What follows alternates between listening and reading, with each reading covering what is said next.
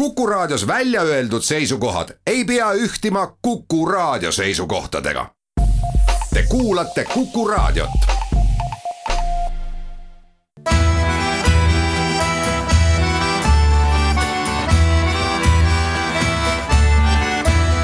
Kirillitsas Eesti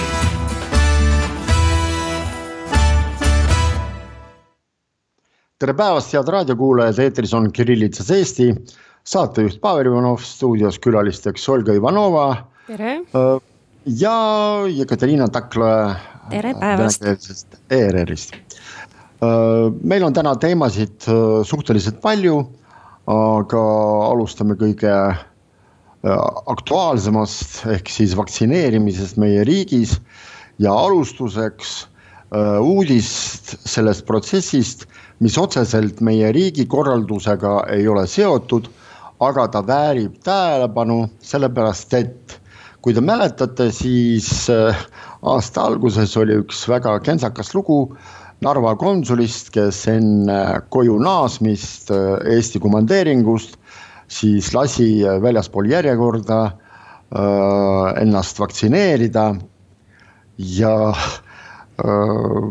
noh, lasi ennast vaktsineerida ja kusjuures vaktsiin ei olnud äh, patriootlik Sputnik äh, viis või Sputnik viis, vaid äh, hoopis teine läänes, pahas läänes toodetud vaktsiin, millega siis konsul ennast vaktsineeris ja oli ülimalt õnnelik, sellepärast et nii, kuidas ta ise rääkis, ta saab nüüd täiesti muretult naasta kodumaale. ja nüüd siis paar päeva tagasi õigemini vist, kui ma ei eksi, siis oli täitsa eile uh,. uus Narva konsul, Venemaa Föderatsiooni konsul Narvas Aleksandr Mamajev soovitas avalikult kõikidele Venemaa kaasmaalastele, kes elavad Eestis. arvake ära, mida? ta soovitas vaktsineerida läbi oma perearstide nende vaktsiinidega koroonaviiruse vastu, millised on riigis ja ta selgitas, et see on kooskõlas Venemaa kehtestatud reeglitega vaktsineerimisest. ja ta lisas seda ka, et mitte kõik Baltimaades elavad venemaalased, just venemaalased, mitte venelased, saavad vabalt saada endale vaktsiini ja ta ütles, et tema lähtub täiesti ametlikest nõuannetest ja ütles, et äh, loomulikult see on tore, kui kellelgi õnnestub äh, Venemaale tulla ja saada Venemaa vaktsiin. aga sellist garantiid ei ole. ja kui arvestada neid reegleid, mida kasutavad Venemaa äh, meditsiinilised asutused selle jaoks, et Venemaa territooriumil saada vaktsiini, on vaja omada individuaalse isikliku arve kindlustuse numbri ja ka pensionikindlustuse tõendi ja sellepärast väga drastiliselt ütleb konsul Mamajev, kahaneb nende inimeste arv, kes saavad seda Venemaal, Venemaal toodetud vaktsiini Venemaa territooriumil kasutada. Ja ta ütles veel ühte väga huvitavat asja, et ei maksa oodata Venemaa vaktsiini äh, heakskiitu Euroopa regulaatorite pool. ja ta ütles seda niimoodi, et midagi oodata on täiesti vale. on vaja teha seda, mida on vaja teha ja kohe praegu, sellepärast et viirus ei, ei oota. Teie kommentaarid sellele? no väga õige tegu ju nii et see näitab, et et liiga palju selle ümber eelarvamusi ja mingisuguseid müüte, et äh, normaalselt arukad inimesed saavad aru, et tõepoolest äh, probleem on väga tõsine. ja mida kiiremini inimesed saavad vaktsiini, seda parem on äh, kõigile, nii et väga tore, et, et niimoodi sellised üleskutsed tulevad, nii et probleem on pigem selles, et vaktsiini ei ole. Ma arvan ka, et väga tubli. Ja mina ei mäleta ka, et keegi Venemaa ametnikest või, või ähm, saatkonna või konsulaadi esindajatest äh, oleksid äh, kuidagi keeldunud või mitte soovitanud äh, venemaalastele, kes elavad Eestis vaktsineerida ainult Sputnikuga või, või kuidagi keel-, keelanud neile vaktsineerida teiste Euroopa Liidus ähm, heaks kiidetud vaktsiinidega ja mis puudutab seda võimalust äh, vaktsineerida Venemaal, siis tõesti inimene peab omama äh, Venemaa siseriiklikku passi, ta peab olema Venemaal olema sisse kirjutatud. et siis sellisel juhul ta saab minna kuskil interneti kaudu, nagu ma kuulsin oma tuttavatest, kes Peterburis elavad. panna ennast kirja, minna oma perearsti juurde või polikliinikusse ja lasta seal endale vaktsiini teha ja nagu minu tuttavad jälle rääkisid mulle, et ühel võttis see neli päeva ja keegi rääkis isegi, et mingil hetkel oli selline vaktsineerimine pakutud isegi kaubanduskeskustes kuskil apteekides nagu meil gripivaktsiiniga tehakse, kui see hooaeg äh, kätte jõuab. aga noh, sellised äh, jutud ringlevad, ma ei saa äh, päris öelda, et nii see on, aga vähemalt kuuldavasti nii on nojah, kui me räägime nagu meie, meie olukorrast vaktsineerimise, vaktsineerimisega, siis ka äh, täna tuli uudis Jansseni vaktsiinist, et selle kasutamine on praegusel hetkel meil pidurdatud kuni EMA ehk siis Euroopa regulaatori selgitusteni, et mis siis tegelikult selle vaktsiini ümber toimub või mitte. aga lähme väikese reklaamipausi, väiksele reklaamipausile, vabandust, ja siis oleme eetris taas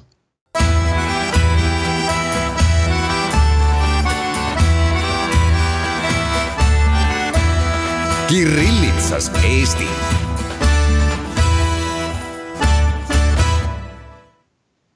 jätkame saadet, Pavel Ivanov, Olga Ivanova ja Jekaterina Takla.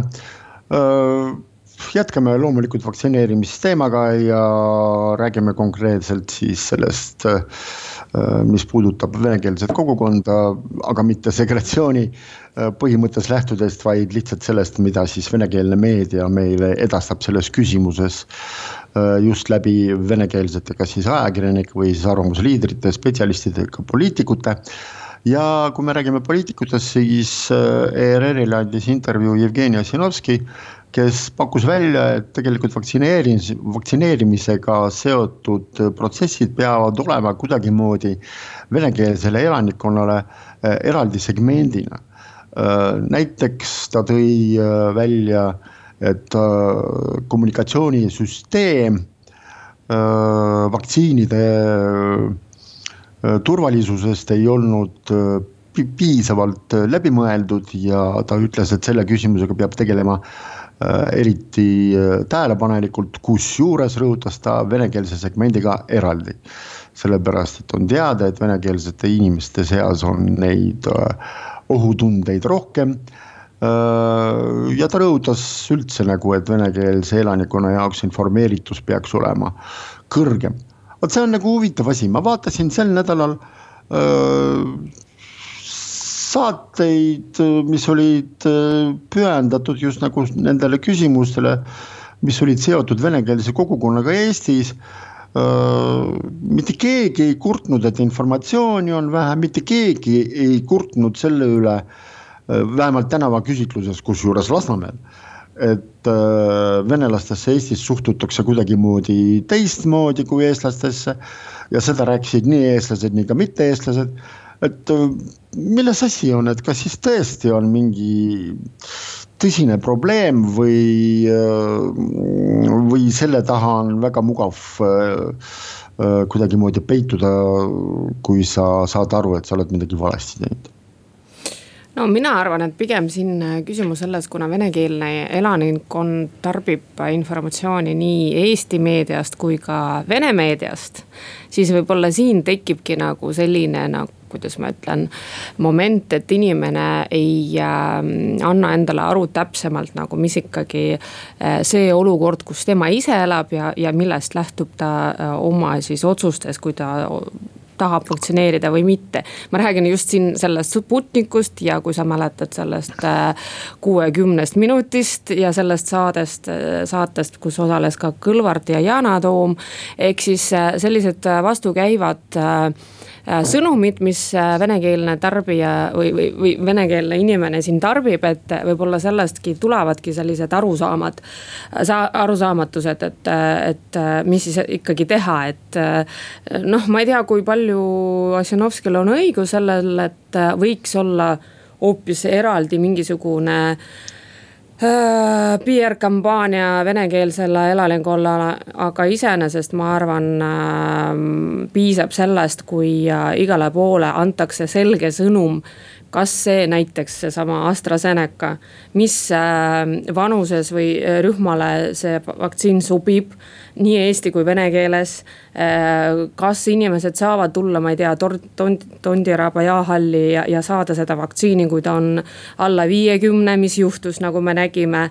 ehk siis võib-olla sellest tulenevalt, et see kommunikatsiooni küsimus jah, kuidagi lonkab, et ükskõik mis keeles, mulle tundub et äh, lihtsalt nagu need sõnumid peaksid olema väga kindlad ja väga selged.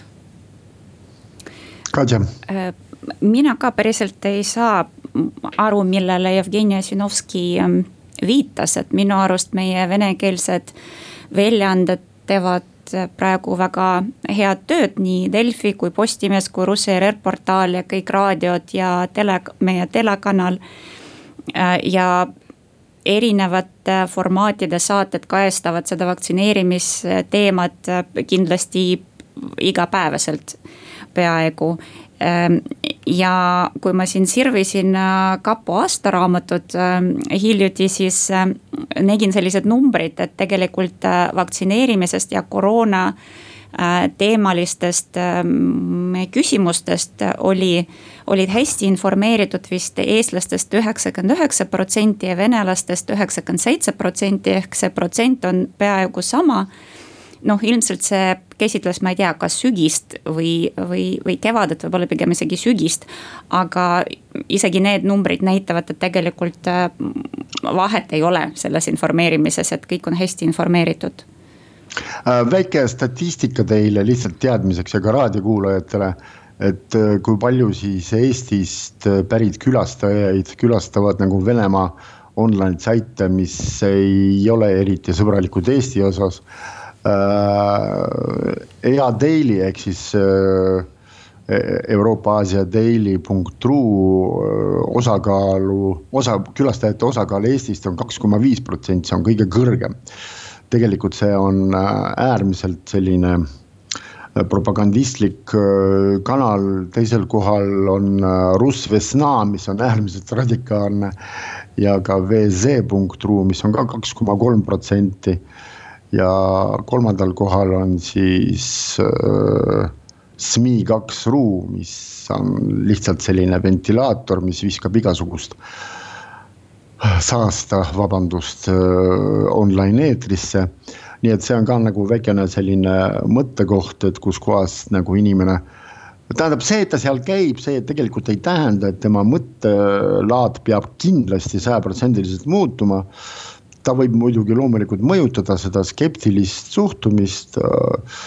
Ja nii, kuidas me nädal aega tagasi selles samas saates teiste külalistega rääkisime, et võib-olla need ebaõnnestused, mis olid äh, vaktsiini talgude käigus, et nad võisid tegelikult ka mõjutada kuidagimoodi, aga samas äh, ma küll ei ole märganud, et äh, mingi äh, aktiivsus just venekeelses segmendis, nii kuidas Sinovski räägib, nii sotsmeedias, nii ka mainstream meedias, et oleks kuidagimoodi tõusnud, ma seda küll ei tähelda.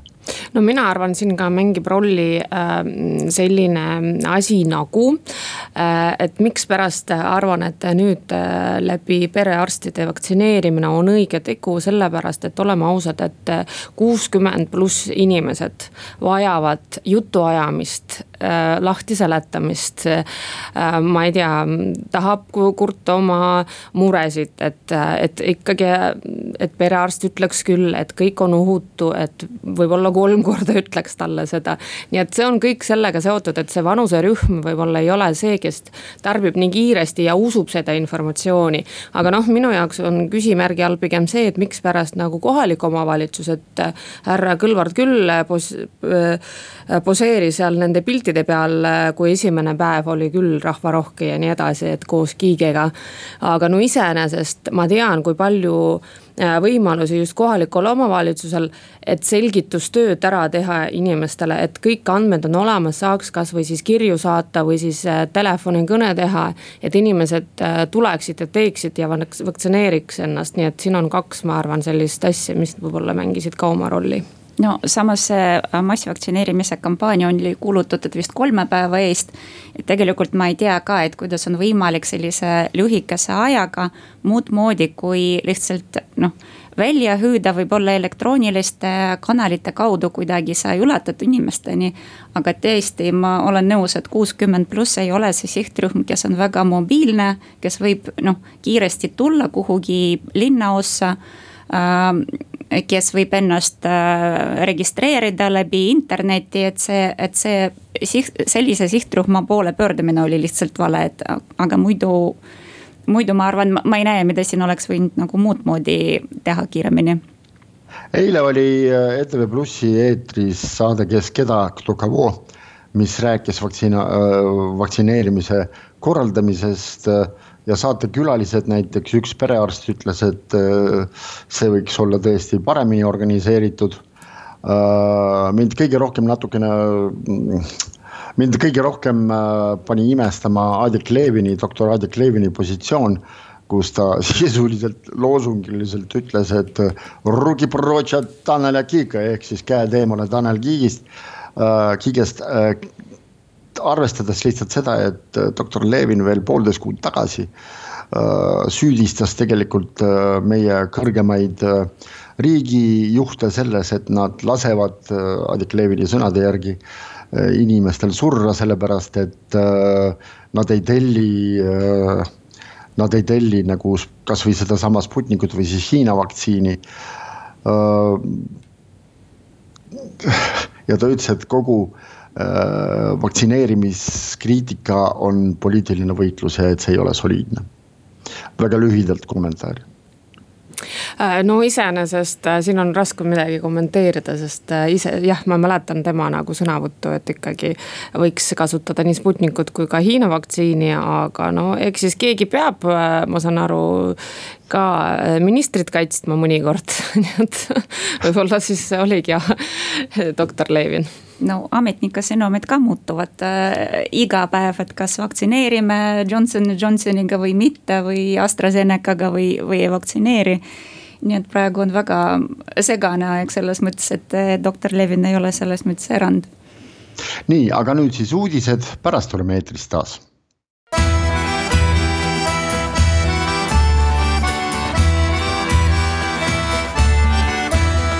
Kirillitsas Eesti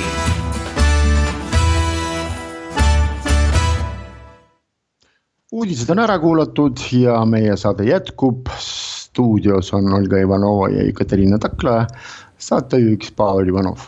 räägime natukene kapo aastaraamatust kakskümmend kakskümmend üks ja ei hakka sellest äh, raamatust kõike üle rääkima, kõik, kes tahavad, on selle raamatuga äh, tutvunud, uudised on ja väljavõtted on ka sellest tehtud ja tiražeeritud. teate minu jaoks oli kaks üllatust selles raamatus seekord.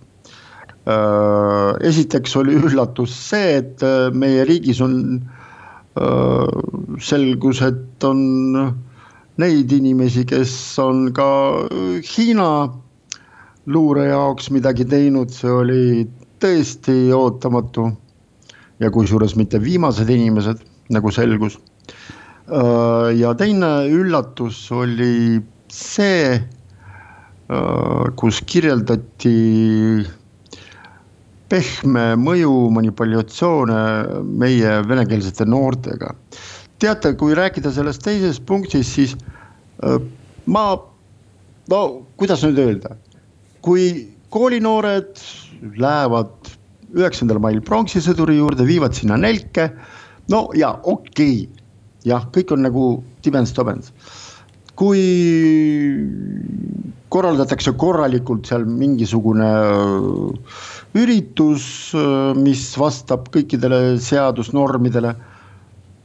noh, okei okay,, et selles mõttes meil on tõesti meeleavalduste vabadus ja sõnavabadus, kui kõik on vastavalt äh, kehtivatele seadustele ja põhiseadusele. aga vot ühest asjast ma aru ei saa ausalt. Äh, Tallinna linnamäe Vene Lütseum tegi video Pobeda seitsekümmend viis, võit seitsekümmend viis, kus punavormis noored inimesed, koolinoored esitavad temaatilisi luuletuse, laule. vot ähm, sellest ma tõesti natukene aru ei saa või ma ei saa aru, kuidas Puškini instituut äh, väga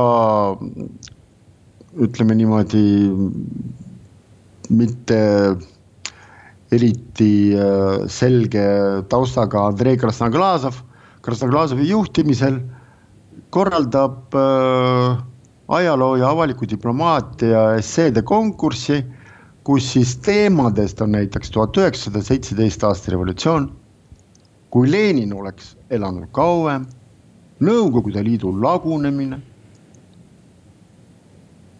kahekümne esimene sajand on sõbrad ja kui Lenin oleks elanud kauem, no. Ja siis see video Lütseumi poolt. Või ma, ma, ma, saan aru, et tõesti mul ei, tähendab, mul mitte ükski äh, hinge rakuke ei hakka vastu, et tõesti aru saada ja äh, ka võib-olla kuidagimoodi moraalselt osaleda selles noh, mitte just üheksanda mai tähistamises, vaid ma, ma, ma saan sellest päevast aru. aga vot nendest aktsioonidest, millest ma rääkisin, ma tõesti, ma ei saa aru nii, no mis ma siin rääkida saan, et ilmselt iga riik üritab kuidagi oma ajalooversiooni, oma kultuuri edendada ja kuidagi edasi anda ja kuna on teada, et Venemaa on oma äh, kaasmaalaste pärast mures, et siis ei ole imet, et sellised MTÜ-d eksisteerivad ja sellised programmid on olemas, et venemaalased venemaalastest abituriente kutsutakse igal aastal äh, siis õppima Venemaa ülikoolidesse. Et äh, noh, nii see lihtsalt on, et äh, Venemaa nagu ma arvan, iga teine riik, kus äh, üritab kuidagi ikkagi oma kultuuri, ajaloo ja oma mõju äh, üleval hoida. Et kui, kui tark tegu oli Linnamäe Lüütseumi poolt äh, sellest äh, eraldi kampaaniat teha, see on, see on teine küsimus vot ma ei tea, et see, kas see oli mingisugune äh, nende kooli poolt enda initsiatiivil tehtud aktsioon või see oli mingisuguse jällegi programmist osavõtmine või mis asi see oli, vot seda ma ei oska. no vaata, kui, kui see oleks mingisugune programmist osalemine, siis see näitaks ilmselgelt ja väga ilmekalt, kuidas äh, tegelikult äh, teise riigi äh, pehme mõju on, tähendab, pehme jõud on siiski avaldanud oma mõju õpetajatele eelkõige ja pedagoogidele, et see on tegelikult, see ongi nagu selle asja kõige jubedam asi. Noh, siin on jällegi küsimus pigem õpetajatele jah, et kooli eesmärk on ikkagi anda õpetada õpilasi, mitte, mitte nagu teatud kuvandi nagu edasiandmine, mulle tundub, ehk siis ajaloost ma mõtlen. nii et äh, mul on raske kommenteerida jah, just see Vene Lüütseumi otsust sellist asja nagu korraldada. aga iseenesest, mis mulle nagu meeldis jutumärkides sellest raportist, et äh, jah, nagu öeldi, seal on küll Venemaa on huvitatud sellest, et kasvatada siinsamas äh, kaasmaalaste valijate seas ka ähm, noorema põlvkonda, põlvkonna esindajaid äh, kuidagimoodi jah, et kaasata ja nii edasi. aga seal oli selline sõnastus, et umbes family mafia ehk siis perekondlik kuidagi maffia toimub siin, et, et äh, olemasolevad nende MTÜ-de juhid ei soovigi eriti kaasata noori ja, ja võib-olla aktiivsemaid äh, inimesi, kuna see eeldab, et kas nad siis jäävad ilma oma sissetulekuta või, või noh, midagi taolist oli seal kirjas, et. et juhul, kui kaasatakse, siis perekonna, perekonnasiseselt, et see oli minu jaoks väga sihuke omapärane tähelepanek Katja. no mina ka äh, jah, panin tähele seda, millest äh, Olga praegu rääkis, aga ma ei tea, mis mul, mis mul sel teemal veel hetkel lisada. Võin võib-olla sellist asja öelda nüüd, et, et võib-olla te olete üllatunud, aga võib-olla mitte, aga üheksandal mail ETV Plussi eetrisse on planeeritud viis laulu äh,. Nad ei ole sellised, ütleme niimoodi, nad on need laulud, mis olid Venemaal Äh, tehtud ja on väga tuntud. ja mis ei ole sellised patriootlikud laulud, vaid mis lihtsalt räägivad äh, sellest kurbusest, et kui, kui halb on sõda tegelikult on. et äh, nad on sellised, osa on sellised ballaadid ja paar tükki on sellised rimsameelsed ja nad on täiesti. meil oli eelmisel aastal see projekt tehtud või kavatsetud, aga me koroonapiirangute tõttu ei saanud need filmida ja kokku monteerida ja eelmisel aastal, üheksandal mail äh, nad eetrisse ei jõudnud, tavaliselt meil loomulikult on äh, mingisugused dokfilmid ja, ja mängufilmid mis noh, sellest ajast räägivad ja sellel aastal tulevad ka. Aga ka need laulud me saime lõpuks tehtud ja eetrisse nad on pandud, aga ma loodan, et kõik saavad sellest õigesti aru, et venelased ikkagi noh nad ikkagi ootavad, see näeks väga imelikult välja, kui ETV Pluss ei, ei ütleks noh sõnagi sellest, et täna ei ole, et üheksas mai ei ole ainult ähm, Euroopa päev äh,, vaid ka on äh, noh, üheksas mai, see, see, mis venelastele tähendab. Ähm, aga noh, kõik sõltub laulust, kuidas see esitatud on ja millises kontekstis, et äh, meie meelest on, minu meelest on äh, meie selline meenutusprojekt on suunatud, suunatud kõigile neile, kes kuidagi noh, meenutavad no selle kohta ma naljaga pooleks ütlen, et vaatame, mida ütleb selle peale Ringhäälingu nõukogu. aga läheme reklaamipausile, pärast tuleme eetrist taas.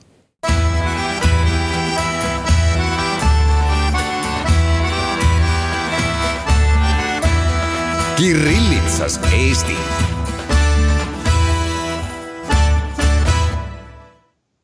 meie saade jätkub, Pavel Ivanov, Olga Ivanova ja Ekaterina Taklaja uh,. sel nädalal oli üks väga huvitav saade Kanal kahes, Esse, mis oli pühendatud uh, siis teemale, kuidas venelasest teha eestlane. saatejuht Eva Esse uh,, rääkides temaga, ta ütles, et kõige tähtsam järeldus sellest saatest tema jaoks kui saate autori jaoks ja saatejuhi jaoks oli see, et ta sai aru, et kolmekümne aasta jooksul me ei ole lõimumises mitte kuhugi eriti edasi liikunud. ja me ikka puutume kokku mingisuguste stereotüüpidega, kuigi ütleme niimoodi, et selles saates oli ka teatud provokatiivseid momente ka, kus siis äh, üks külalistest ERR-i äh, reporter Anton Aleksejev siis küsis, et kas temast võiks saada äh, riigikogu liige.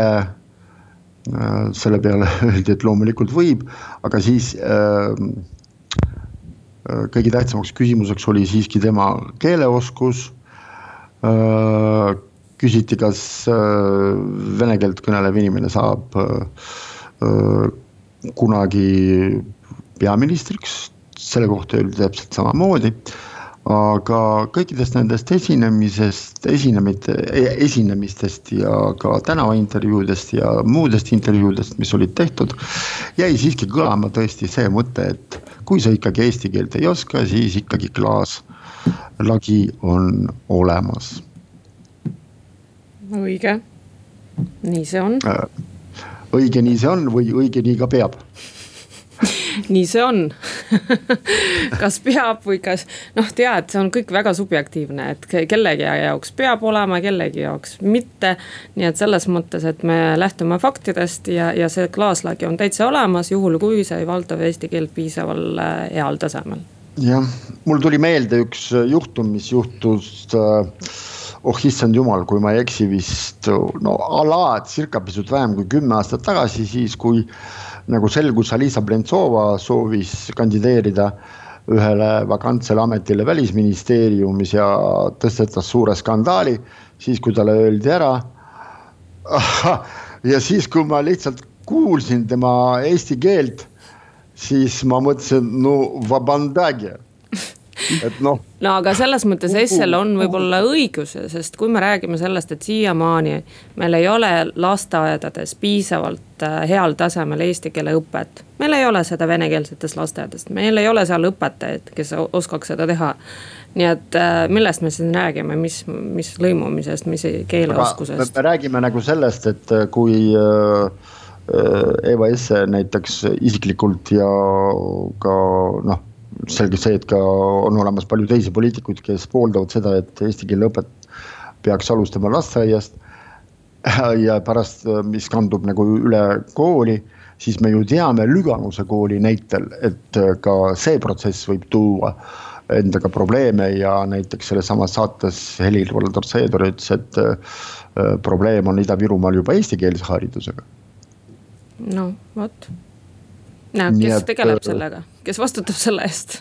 Mul on alati see küsimus. ja, ja nüüd me tulemegi selle teema juurde, mille suhtes ma mõtlesin, et noh, et, äh, et huvitav, et äh, midagi, mille, millegist on puudu. ma hakkasin juba muret tundma, ei, kõik on korras. Keskerakond ja Reformierakond hakkasid vaidlema eesti keelele ülemineku teema ümber.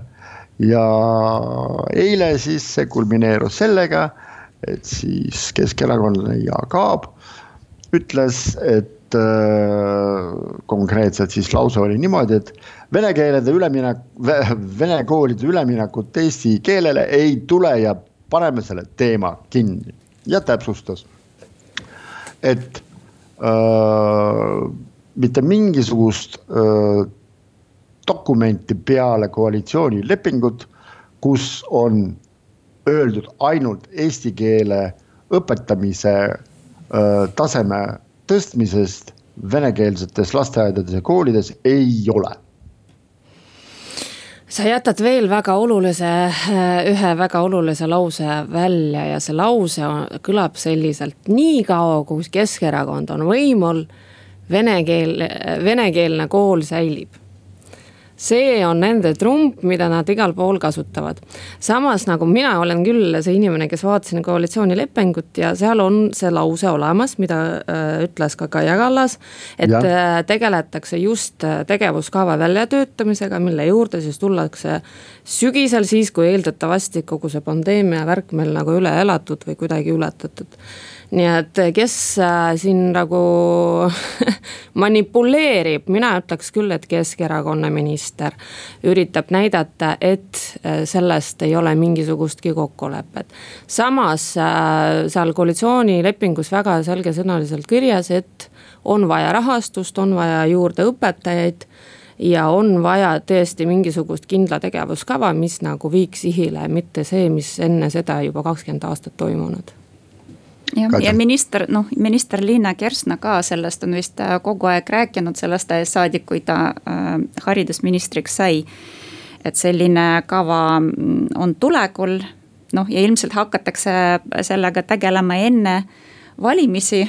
et see trump äh, alati tuuakse välja äh, sellisel olukorral ja noh, ja ma arvan, et, et, et see teema arutatakse uuesti, aga jällegi objektiivsetel põhjustel ma ei usu, et äh, mingi tegevuseni jõutakse kiiresti, kuna jällegi teatavasti on väga palju raha eelarvest on ähm, kaasa viinud äh, koroonakriis.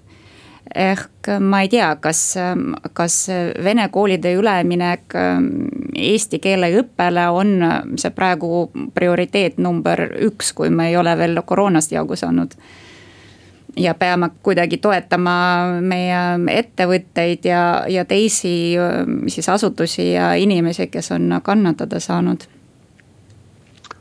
Jaak Aab ütles niimoodi ka veel, et me, et me töötame selle kallal, et kõik lapsed valdaksid vabalt eesti keelt. sõltumata koolide või lasteaedade, no koolide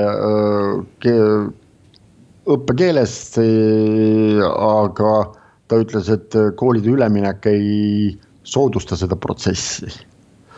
Noh, sellest, et siin on kaks eri asja, on äh, ka ma lugenud üks, üks äh, õpetaja vene, eesti keele õpetaja venekeelses äh, koolis rääkis ka sellest, et, et räägitakse kahest erinevast asjast, on üleviimisest või üleminekust äh, täiesti eestikeelsele ähm, äh, koolile. või siis sellest, et tugevdada ja, ja just äh, eesti keele õpet äh, olemasolevates koolides mina arvan, et see viimane on tõhusam isegi kui see, et me hakkame nagu leiutama või siis otsima neid äh, õpetajaid, kes järsku hakkaks rääkima või õpetama eesti keeles, kui nad ei oska seda piisaval tasemel. et alustame sellest, et tõepoolest lasteaedades ja koolides on eesti keele tase või õpetamise tase on äh, nii kõrge, et äh, lapsed saavad hakkama ja, ja hakkavad rääkima juba lasteaiast saadik, nii et ma arvan, see on nagu esimene eesmärk, mis peaks olema. aga noh, jällegi, et äh, see, see on äh, Vene kaart, mida, mida alati kasutatakse enne valimisi, nii et äh, eks siis me vaatame, kuidas, kuidas seda hakatakse ühelt või teiselt poolt nagu mängitakse. aga saate lõpuks üks äh, huvitav uudis ka, et äh, Tõnis Mägi otsustas, et võiks proovida äh, üle laulda oma eestikeelsed laulud vene keeles. ja põhjendas seda sellega, et, et ta ütles, et see oleks väga huvitav äh, eksperiment, sellepärast et vene keel väga hästi sobib lauludele ja ta ütles, et äh, miks mitte väikese muusikakollektiiviga minna kuhugi siin äh, Lähi-Venemaa linnadesse, näiteks Sankt-Peterburi esinema väga nä, nagu esimene mõte mul oli, et äh, kui ma näeks näiteks välisminister Sergei Lavrovi, kes muuseas sel nädalal rääkis ka meie välisministriga. ja ega nad mitte kuhugi ei jõudnud, äh, sellepärast et Lavrovil oli väga jäik positsioon äh, väidetavate territoriaalsete pretensioonide osas Eesti poolt. ma oleks talle öelnud niimoodi, et, et see oli väga üllatav Posi uudis. positiivne uudis see oli jah, ma lugesin ka, et ta vist oli kuidagi oma pabereid sorteerinud ja, ja. leidnud äh, tilge vene, vene keel, venekeelse versiooni oma ühest populaarsest laulust ja praegu on juba viis lugu olemas ja varsti tuleb vist plaat ka välja. ja et tõesti ta sooviks minna Peterburi või kuhugi Venemaale ja prooviks äh, seal äh, kontsertidel esineda, et noh uuesti seda publikut äh, kaasa, äh, koos kutsuda. huvitav, kas ta näiteks laulu Koit laulaks ka vene keeles? ja kas äh, venelased sel juhul saaksid ka selle laulu mõttest aru? et see on ka omaette küsimus, aga igal juhul tegelikult Venemaal mäletatakse väga hästi kõiki meie endiseid nagu stereotüüpselt on mainitud Kremli ööbikuid äh, ja muid linde, aga igal juhul ma mõtlesin, et näiteks mingi kogumik, kus oleksid Jaak Joalan, Veski, Marju Lännik, Tõnis Mägi, Apelsin, Vitamiin, äh, mis olid ka väga kuumad, Music Safe, äh, et see oleks täitsa lahe. aga tuletan meelde, et stuudios olid täna Jekaterina Takla ja Olga Ivanova. aitäh kuulamast, saatejuht oli Pavel Ivanov ja kohtume nädala pärast taas